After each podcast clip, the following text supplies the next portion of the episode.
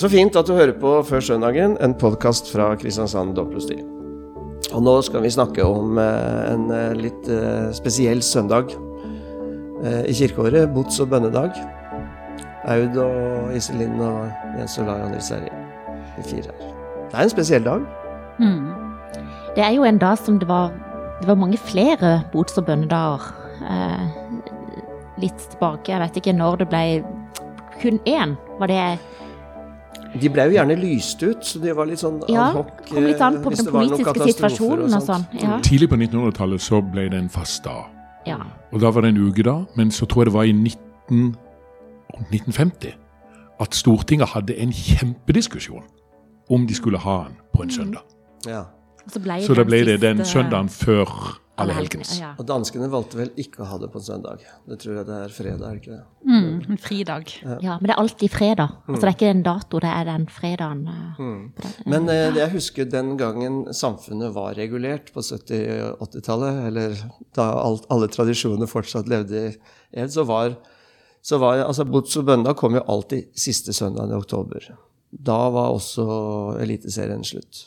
Mm. Og så var det cupfinale på Allehelgensdag første søndag november. Det var, en, det var en tid hvor ting gikk rimelig fast for seg. Hmm. Nå er vi i forandring. Alltid. Lengter du tilbake til den tida? Jeg gjør det. Jeg liker jeg likte Men det måtte være fint hvis, for eksempel, hvis du kom de tre nederste på tabellen, da, ja. det med bots og bønner, da, da, hmm. at du fikk en da der du kunne liksom, liksom lutre sjelen i bitte grad. Ja, det, det, var fint å gå på en sånn gudstjeneste før uh, den avgjørende kampen, liksom.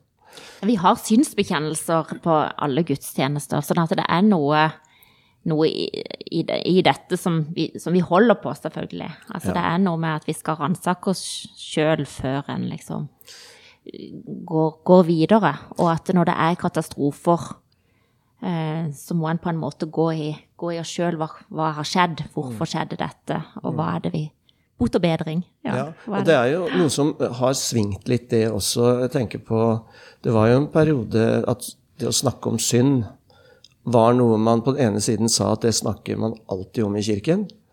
Og mens virkeligheten var at det var det ingen som turte å snakke om. Mm. Fordi det var såpass ute og utdatert, så syns jeg det har kommet på en måte en slags sånn motreaksjon på det at vi trenger noen ord og begreper og noen handlinger som tar inn over seg den, den komplekse i mennesket. da. Mm. Men, men, er det Synd sånn at, er på vei inn igjen. Ja, men har vi en slags litt sånn jeg vet ikke, Er denne dagen litt sånn stemoderlig behandler? Eh, det er en dag som ikke vi løper til med stor glede og fryd. Eh, på et eller annet vis så er vi litt sånn forsiktige den dagen, for det er jo krevende. Kanskje vi nettopp er redd for å bekrefte det gamle ryktet, at ikke kirka snakker de bare om synd. Ikke sant? Det kan godt hende. Og i pietismen så ble det alt så individuelt. ikke sant? Individualismen, og det, vi lever jo i det fortsatt. altså det Med fokus på den enkelte enkeltmenneskets synder, på en mm. måte. Eh, og glemmer litt det kollektive perspektivet, da, som egentlig er mm. Det er det som er fokus på bots og bønner, da, Absolutt. tradisjonelt. At hva er, det vi som, hva er det vi som samfunnet må, gjøre, må endre på? Altså mm. kongen Kongen ba folket om å gå mm. til kirke og ran, ransake seg sjøl og, og, be om bedring. Og. Mm. Der er det jo en liten felle for oss.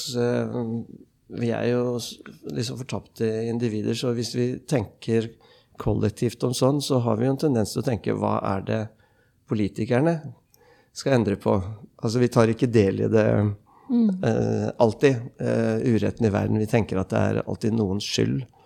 Men det, det, det syns jeg de tekstene og, og Bots- og bønnedagens perspektiv uh, Den gjør oss delaktige i verden på godt og vondt. da. Mm. Men jeg tror ikke du bare går til verden her. Jeg hadde tenkt på det i dag før jeg skulle komme her. det er jo liksom, Boten hører jo hjemme også i familiens sfære, med de nærmeste.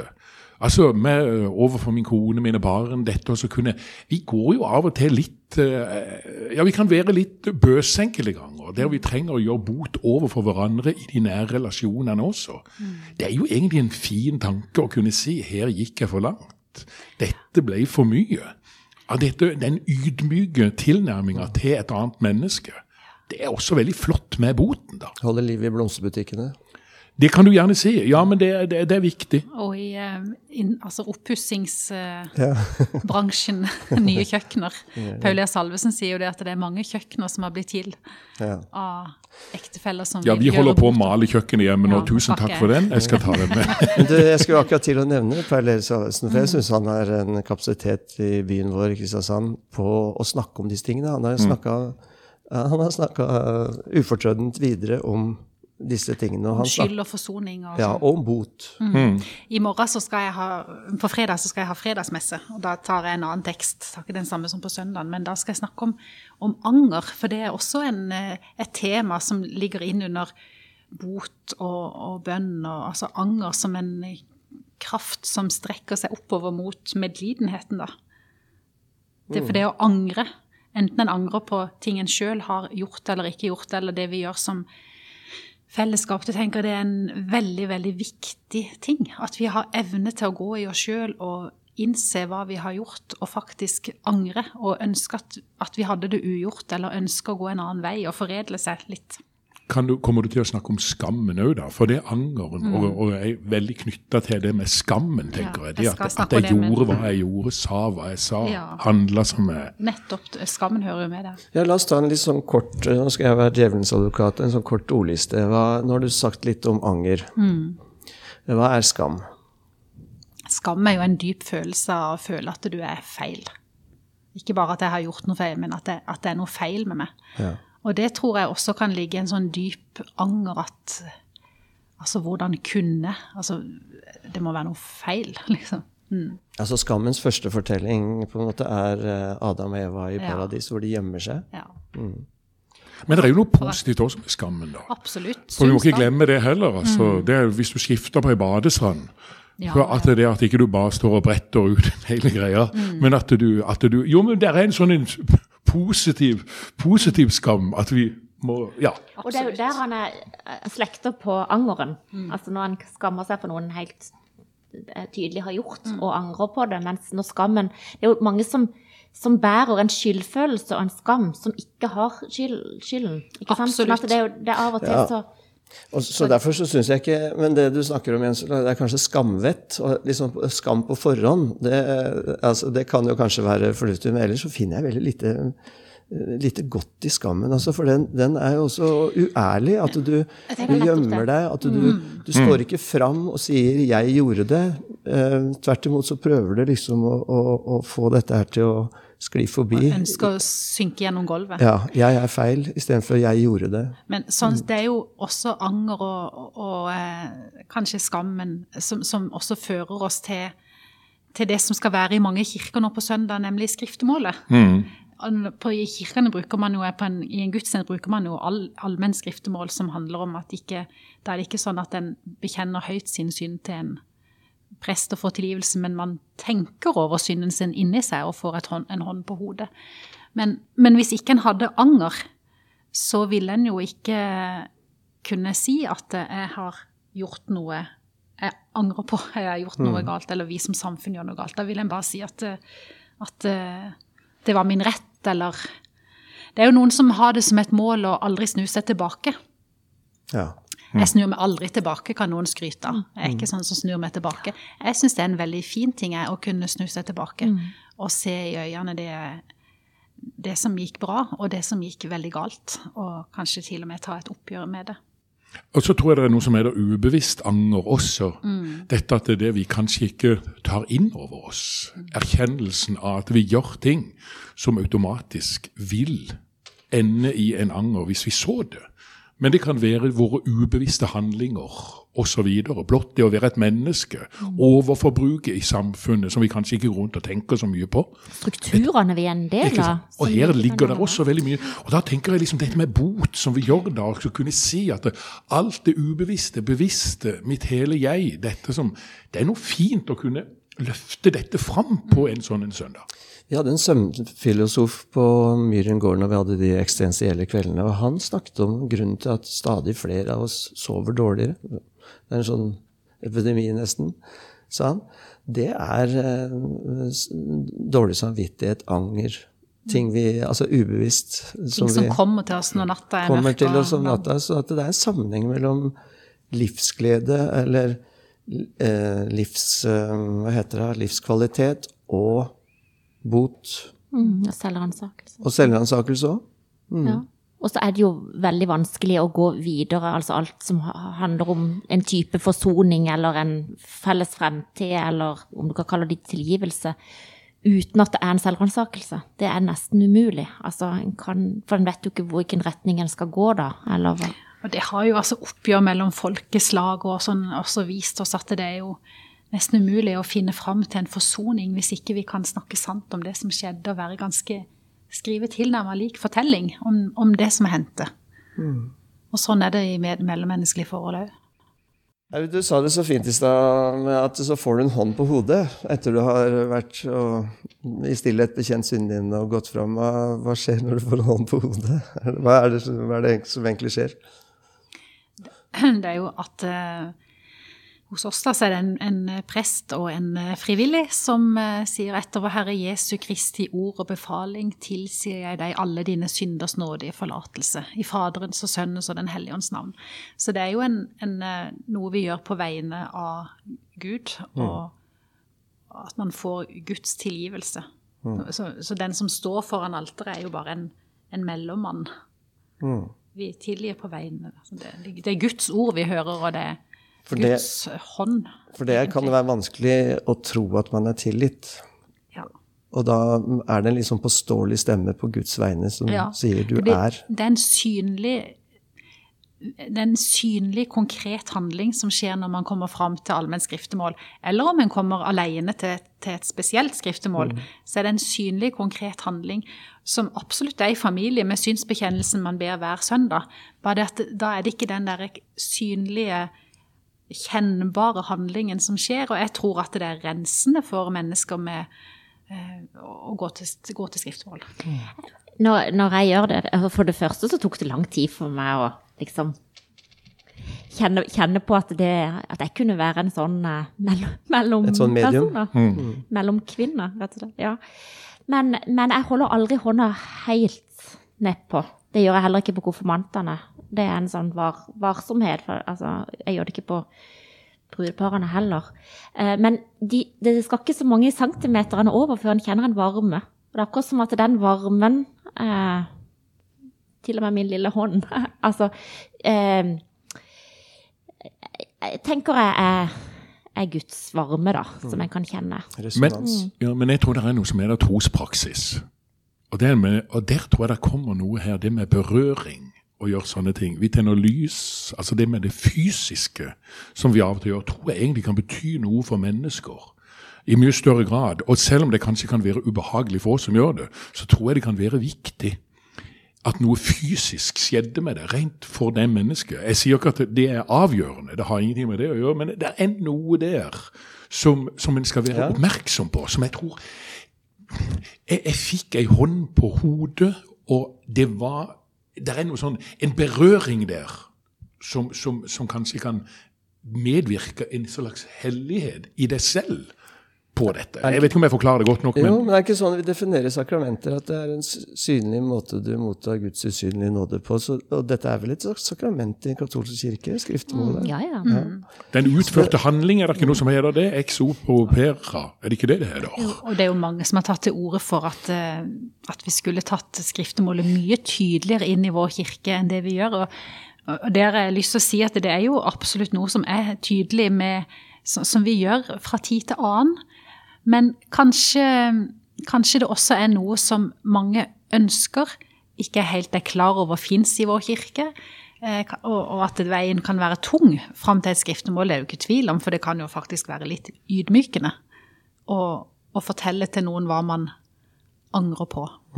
Jeg tror også, hvis du går til evangeliene, Jesus var veldig til å berøre den blinde, spedalske Det er ikke så lenge siden vi hadde Peters svigermor. Altså, berøring er, er en del av det, kan jeg tenke. Og en skal ikke ta det bort, tror jeg. For jeg tror det kan være fint. Jeg tror for et brudepar å få den velsignelsen. De kommer tross alt i kirka for å få det, det lille dyttet i livet. Og du sier velsignelse, det er jo det samme vi gjør når vi lyser velsignelsen, at vi tar opp hånda nettopp for å Det er jo en Det er berøring, en- en- enten du gjør som Iselin, at du har den og Det er det pussige med mennesket, at vi lever jo også utenfor oss selv eh, i en stor grad. Sånn at du merker den vibrasjonen eller den varmen. Um, uten at du helt fysisk tar på vedkommende. Jeg syns det er utrolig fint sånn eh, Jeg og diakonen pleier å ha bods- og bønnedag sammen. Og da, mens vi venter på at folk skal komme opp, så, så legger diakonen hodet på, nei, hånda på hodet mitt og tilsier meg alle mine Utrolig sterkt å, å høre og gjøre. Og si de ordene. Mm. Men, men eh, det er jo ganske vanlig på og bønnedag at man har dette allmenne, såkalte allmenne skriftemålet. Ja, det var iallfall vanlig helt frem til den nye liturgireformen. Så nå er det litt sjeldnere at en, en finner det i Den norske kirke. Ja, så, så ser jeg avisa da på, eh, så, på gudstjenestelista. Nei, Står ikke den i Feven på, På lørdag. på lørdag? Ja? Vi vet iallfall at det er allmen, allment skriftemål som heter felles skriftemål i Vågsbygd og i domkirka. Ja. Ja. Ja, Noen steder er det, er det kvelden før, eh, vet jeg. Som på landsbasis. Jeg vet ikke hvordan det er i Kristiansand. Mm. En sånn liten eh, apropos, det er at jeg har vært med på, på noen eh, bispevigslinger noen ganger. Og da, det er praksis i mange kirker i, eh, i eh, verden, og også her i Norge, at det er skriftemål for biskop og for de som skal medvirke i gudstjenesten kvelden før. Å ja, så fint. Det er fint. Men skal vi slutte der, eller skal vi ta teksten? Ja, det er jo en stor tekst, egentlig. Et stort tema. Ja, Iallfall evangelieteksten på søndag. Den står i Lukas 13. Det gjør han. Og før dette, bare for å si det før du leser, så har Jesus uh, Han har helbredet en kvinne på sabbaten og fått motbør for det. Og så forteller han uh, lignelsen om Guds rike, som er som et sennesfrø som vokser seg opp til å bli stort tre. Så fuglene kan bygge rede i grenene av det, og som surdeig. Som gjennomsyrer alt. gjennom. Ja. En romslighet har han egentlig snakka om Ja. før. Og så kommer vi til denne teksten som du leser, Iselin. På reisen til Jerusalem dro Jesus fra by til by og fra landsby til landsby og underviste. Da var det en som spurte. Herre, er det få som blir frelst? Han sa til dem. Kjemp for å komme inn gjennom den trange døren. For jeg sier dere, mange skal forsøke å komme inn, men ikke klarer det. Når husherren først har reist, reist seg og lukket døren, og dere blir stående utenfor og bank, banker på og sier, Herre, lukk opp for oss. Da skal han svare, Jeg vet ikke hvor dere er fra. Da vil dere si, Vi har jo spist og drukket sammen med deg, og du har undervist på gatene våre. Men han skal svare, Jeg vet ikke hvor dere er fra. Bort fra meg, alle dere som gjør urett. Der skal dere gråte og skjære tenner når dere ser Abraham og Isak og Jakob og alle profetene i Guds rike, mens dere selv blir kastet utenfor. Fra øst og vest og fra nord og sør skal mennesker komme og sitte til bords i Guds rike. Da skal noen som er de siste, bli de første, og noen som er de første, bli de siste. Slik lyder det hellige evangeliet.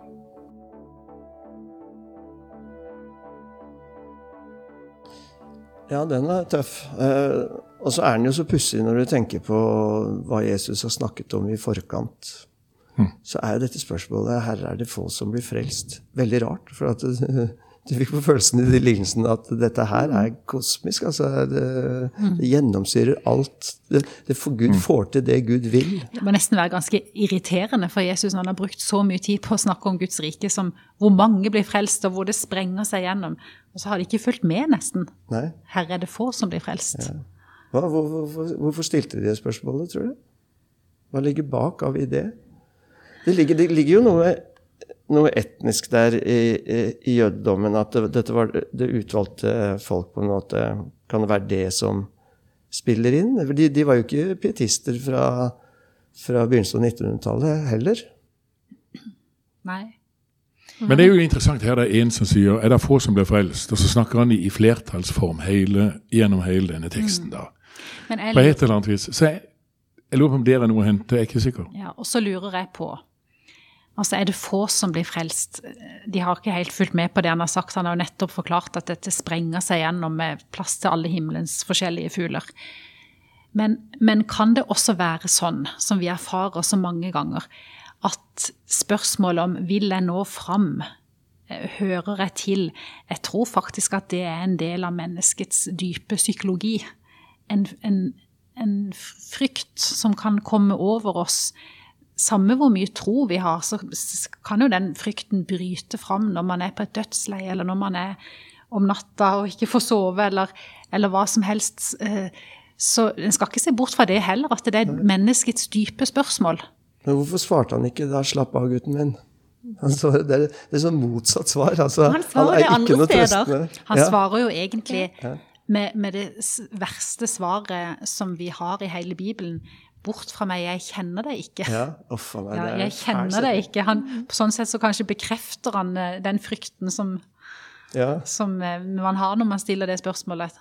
Vil jeg nå fram? Jeg kjenner deg ikke. Men, men når, når, han får dette spørsmålet, så, så, så sier han kjemp for å komme inn gjennom den trange døren. Mm.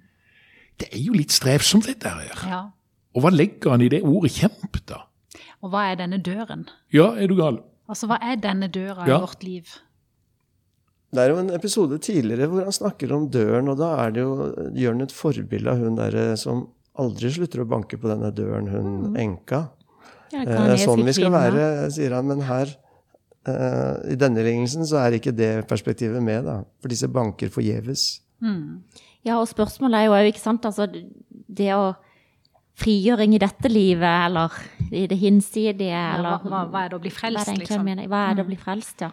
Og så sier han jo, en av de viktigste setningene her, sånn jeg tenker, er jo den derre De siste skal bli de første, og de første skal bli de siste.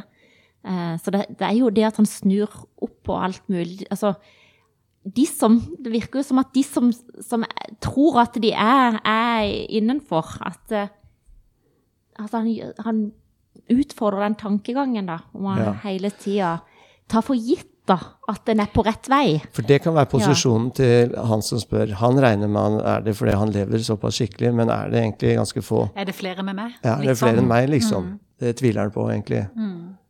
Men, men, vi får jo en liten sånn indikasjon på dette her. Det er alle dere som gjør urett, sier han. Eh, bort fra meg, alle dere som gjør urett. Det er et eller annet som ligger i de ordene, som jeg tenker å finne ut. Hvem gjør urett, da? Hvem er det han tenker på her? Hvorfor stresser han dette? Hvorfor sier alle dere som synder, alle dere som et eller annet? Nei, det er dere som gjør urett. Kan vi ta han litt på ordet? For det, det, dette er jo egentlig et bilde, eller en fortelling. Et eller annet sånt. Det er jo ikke noe Det, det, det er ikke noe Det er ikke en forhåndsreportasje. Nei, det, er ikke det. det gjelder jo alle. Ja, det gjør det. Alle dere som er urett. Egentlig så sier han at ingen kan komme Nei. gjennom. Mm. Nei. For det er utgangspunktet. Alle gjør urett. Alle gjør urett. Mm. Og hva, hva da? Og urett er i Hvis han eh, som oppsummerer loven med at det handler om å elske mm.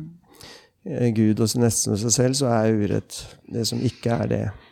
Jeg tenker den, altså, den, den, trange døren, dette sier han i Jerusalem, hvor det er byporter som er ganske høye, som er greie å komme inn gjennom. Eh, men, men, den trange døren, den låste, lukka døren, det, det, altså det er noe med at vi, vi, mennesker, vi kan jo bli så store eh, i oss sjøl og så høye på oss sjøl og så fulle av hovmod og begjær og grådighet og selvrettferdighet og sånn at, at nesten alle dører blir for trange for oss. Eh, og, og, og um, Egoet kommer ikke inn. Egoet vårt kommer ikke inn, ja. Og der er det også noe av det der som tenker altså, Jeg kjenner deg, jeg kjenner dere ikke. Altså, det er ikke sånn Gud kjenner oss. Det er ikke sånn Jesus kjenner oss som, som noen som var fulle av alt dette. Det var ikke sånn han hadde skapt oss til å være. Han hadde skapt oss til å være noe ganske annet. Og så setter han seg nesten litt sånn på huk foran alle jordas glemte og stemmeløse og de som ikke blir lagt merke til. Og så har han dette her Guds rikes pedagogikk, da, som, som det heter, som at, at, eh, de minste skal bli de første. Mm. Men her er det jo en veldig sånn spennende det var, det var, veldig godt sagt. Her er det en spenning mellom det som man kan kalle egoet, som er på en måte vår, våre ideer om oss selv, og, og altså den, den, og jeget. Han kjenner jo jeget, hvis du kan si det sånn. Han, men han kjenner ikke dette igjen i de livene Eller egoismen. Ja, i de, i de egoistiske livene vi lever. Eh, egentlig kunne jeg lagt det, gjerne lagt til 'jeg kjenner det ikke igjen'. Jeg kjenner det ikke igjen, ja. Og det er jo, han har jo nettopp snakka om dette treet som, eh, som skal bli så kjempestort, og andre steder så sammenligner han jo også eh, kirken med et tre hvor, hvor, det stadig er greiner som kappes av, fordi som er i en sånn at han, at han vil rense oss til å bli den vi skal være. Og dåpen er jo også en sånn prosess, en renselsesprosess, hvor vi får hjelp til å bli, sånn som det også er i, i Gammeltestamentteksten, en pottemaker som former oss, som mm. forandrer oss. Men, jeg, jeg sitter litt og sånn, hører på det, det er interessant. Men jeg, jeg, jeg sitter og tenker litt på den teksten her. for det er noe her som ikke er riktig får til å gå i hop. For han sier fra øst og vest og fra nord og sør skal mennesker komme og sitte til bords i Guds rike. Så det er mange. Det er mange. Men så sier han dere skal gråte og se tenner når dere ser Abraham og Isak og Jakob og alle profetene i Guds rike, mens dere selv blir kastet utenfor. Hva er det egentlig? Er vi litt sånn Foregriper vi litt denne teksten her nå? For På et eller annet vis så har jeg lyst til å si at ja, nei, jeg tror egentlig Jesus snakker til en gruppe mennesker i denne teksten. Og da blir han veldig krass. Han er krass mot de skriftlærerne. Han er krass, kalkede graver osv. Så, videre. så det er noe sånn Jeg er litt redd for at vi gjør denne teksten for dyster. For rett og slett for mennesket. Fordi at det er uretten han vil. Og det er liksom så, Jeg ser jeg gjør urett, så jeg skal ikke slippe noe billigere enn de andre. Men jeg syns det er litt interessant å se litt i den teksten. Hva er det egentlig han vil? Han er på vei opp til Jerusalem. Vi snakka om det før i dag. Er han i affekt? Hva er det egentlig han, han skal opp og gjøre? Og det er et eller annet her som Så det er en slags tenkning i denne teksten, kan jeg tenke. Nå skal jeg være veldig forsiktig, men han snakker til en gruppe mennesker som har vært med og satt så mange mennesker utenfor. Og Derfor er denne teksten i vår kontekst blitt brukt veldig til å skremme mennesker. Men av og til så har jeg tenkt kanskje ikke han er så skremselspropaganda som vi vil ha det til. Kanskje det er en myk tone i dette. Noe åpne opp. Ikke far med urett. Ikke bli kalkede graver. Ikke lav så mye teologi at ikke folk kan klare å komme inn. At det, du stenger veien. Og den uretten det er å stenge veien til himmelriket, den er da tror jeg han er flammende. Mm. Og da blir det litt mening med det han sier før. Himmelriket er det er iblant der. Det er sennepsfrø. Det skal bli en haug med fugler i det treet. Mm. Og surdeigen skal komme for fullt. Så det er egentlig også en håpstekst i dette som ligger og ulmer under. Men ikke fordi den går utover, da. Nei, men så, Nei. Så det, Er det for de som forfølger han? Som nå er på vei liksom, for å ta livet av han? Ja, men da, da, blir det på en måte en Men det, jeg, har, jeg, det, jeg, er helt med på det du sier, Jens Olav, men da må denne teksten lignelsesperspektiv forstås som noe dennesidig. Da dekkes dette bordet i så fall her på jorden, her og nå, med Abraham, Isak og alle disse tilsidesatte. Guds rike her og nå. Fordi at eh, Fordi det, dette er han, han hevner seg jo ikke Nei. på de som forfølger han. Han sier eh, 'elsk deres fiender', eh, 'velsign de som eh, forbanner dere', og sånt. Det må han i det minste kunne gjøre selv også. ikke sant? Så at dette raseriet mot de skriftlærde det kan umulig være en slags sånn evig raseri at nå går dere rett til helvete. Dere er ikke med. Nei. Fordi men de, de, går glipp av Guds rike her og nå. Absolutt. Ja. Og da er du inne på, dette han sier i åpenbaringsboka så sier han 'Jeg har satt foran deg en åpen dør'. Og det er, det er ikke det der lukka greia, men, men, jeg tror det er lov å tenke denne både denne side og hinsidig denne teksten. Mm. Og jeg vet ikke om, om, det er min oppvekst som gjør det. Jeg har behov for å rive litt i disse tekstene, rett og slett. For å få de til å gå litt i hop. Mm. Rett og slett, For jeg syns det, det, er for mørkt, det blir for dystert. Når en leser disse tekstene. Det er jo ikke noe sånn happy-happy. Ja, men det er litt happy ending med dette, denne ja, men... dunkle setningen med at da skal de siste bli de første. For jeg har også tenkt at det er jo virkelig de siste. De som, mm. de som er dårligst også i denne kampen. Eh, de som taper den kampen nå, om å slippe inn. Ja, men da snakker vi. Ja, ja. ja da snakker vi. Det, men det er jeg enig i. Det er å komme på sisteplass. Ja. Mm. Men de skal bli de første. Det er, ba, det er Og det er, håps, det er håpsdimensjonen i Det er dette. pur nåde. Og vi vet, eller vi vet jo fra andre tekster at han til og med på dødsleiet eh, sier 'tilgi dem', for de vet ikke hva de gjør. Sånn at til og med de verste morderne eh, ser han til. Og så er jo dette en lignelse. Det er og blir en lignelse, og ikke en forhåndsomtale om det som skal skje. Og, og husets herre, det er jo eh, et annet ord for husdespoten på gresk. Ja, Aikos despotas Ja, eller et eller annet ja, sånt. Ja. Som låser døra fra innsida. Og så vet vi at det Jesus er på vei Eller det som i hvert fall skal skje med han i Jerusalem, det er jo at han låser opp døra faktisk og åpner han fra, fra døden til livet. Og både fra den fysiske død, men også fra den tomhetsdød vi må få når vi gjør urett. Så, så han er jo på vei til å åpne opp på en helt annen måte. La livet flomme og la bord dekkes midt iblant oss allerede nå. Ikke vel? For all verdens folkeslag. Det er, jo, det er jo det han ber oss om å gjøre. Men det er jo en måte å havne utenfor hver eneste dag, dette å ikke ta del i dette måltidet som jordkloden er. Altså denne Det å ikke være i kontakt med hverandre, med naturen, med det å det, det å overforbruke den, ødelegge den, og ikke elske den og takke for den og være en del av det, det er også, det er også noe veldig dennesidig utenfor og innenfor. De, det er jo bedre vi, vi har det jo bedre når vi er i kontakt med verden vi lever i. At det er en resonans mellom det vi, det vi ser, og de vi møter, og oss. At det er noe mellom, mellom oss. Hvis man isolerer seg fra det og kapsler seg inn i sitt store ego, så, så er det en måte å, å gå tapt for både i dag og i morgen og over i morgen. Mm. Men er det ikke det vi, det vi snakka om før jeg sa dåp? Altså botens nåde, da. Å gjøre opp. Komme videre. Altså Det er jo dette ikke driv med urett. Kjemp for, for frihet. Sett mennesker fri.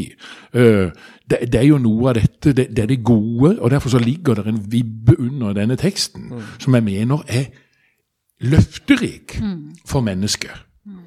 Og det, Og det må jo være noe av det som er botens gave til oss, da. Ja, for altså, det, det er så viktig at nåde er jo ikke en sånn der bleik, slapp greie som sier at alt er greit. Slapp av. Nåde er jo en forvandlende kraft. Eh, og det er også en kraft som lar oss få være med i den godes tjeneste, og det er jo kanskje det som er botens gave også, da. At vi får en sånn forvandlende kraft.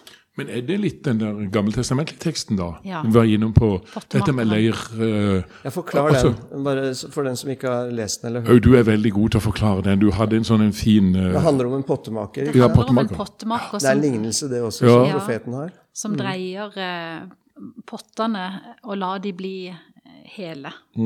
Og så mis- når det går dårlig, så begynner han på nytt. Begynner han på nytt, ja. Og- Og sånn må vi tenke at Gud arbeider med oss. Og ikke, ikke, ikke at vi står i en sånn der evig spagat, men at vi faktisk har noen formende hender rundt livet vårt. da. Eh, som som eh, Skaper som fortsetter å skape. Nettopp. Der sa Og du så akkurat at vi tillader, Fortsatt. Eh, livet mitt å bli formet av kjærlighetens hender.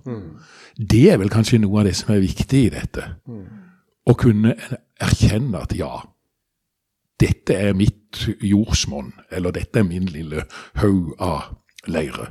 Da er det ganske godt dette gammelmodige ordet botferdighet. Det, det er egentlig et godt ord, for at, eh, men det høres bare litt mørkt ut. Men dette med å være et, et mykt menneske, altså i den forstand som Nå tenker jeg på pottemakeren, som lar seg forme og prege av kjærligheten, og, og, og som våger å gjøre det. Det er jo det, det, det eh, Mange har sagt at det er bare det oppreiste mennesket som kan knele.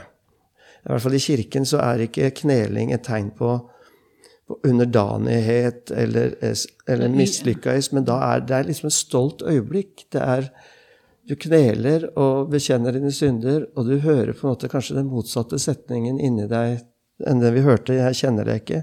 Du hører nettopp 'nå kjenner jeg deg igjen'. Du har kommet til deg selv. eh, og kan, du kan stå oppreist, eh, menneske, selv om du mislykkes og gjør, eh, gjør feil hele tiden. så har du kommet til deg selv, du erkjenner hvem du er, og på godt og vondt, da. Vi må, også gjøre det på godt. At vi er skapt, av, skapt i Guds bilde, at vi er eh, Vi er skapt som sårbare Vi er sårbare, men det er Mm. Takk og lov for det. Ja. Og så er det en som har sagt at um, synsbekjennelsen og absolusjonen tar synden bort, men velsignelsen den har kraft til å ta skammen bort. Um, det er i hvert fall fint sagt. Jeg vet ikke om, eh, om det alltid oppleves sånn, men kan vi ikke lyse velsignelsen til slutt? Ta han med bassen. Ta imot velsignelsen. Herren velsigne deg og bevare deg. Herren la sitt ansikt lyse over deg og være deg nådig. Herren løfte sitt åsyn på deg og gi deg fred. Amen.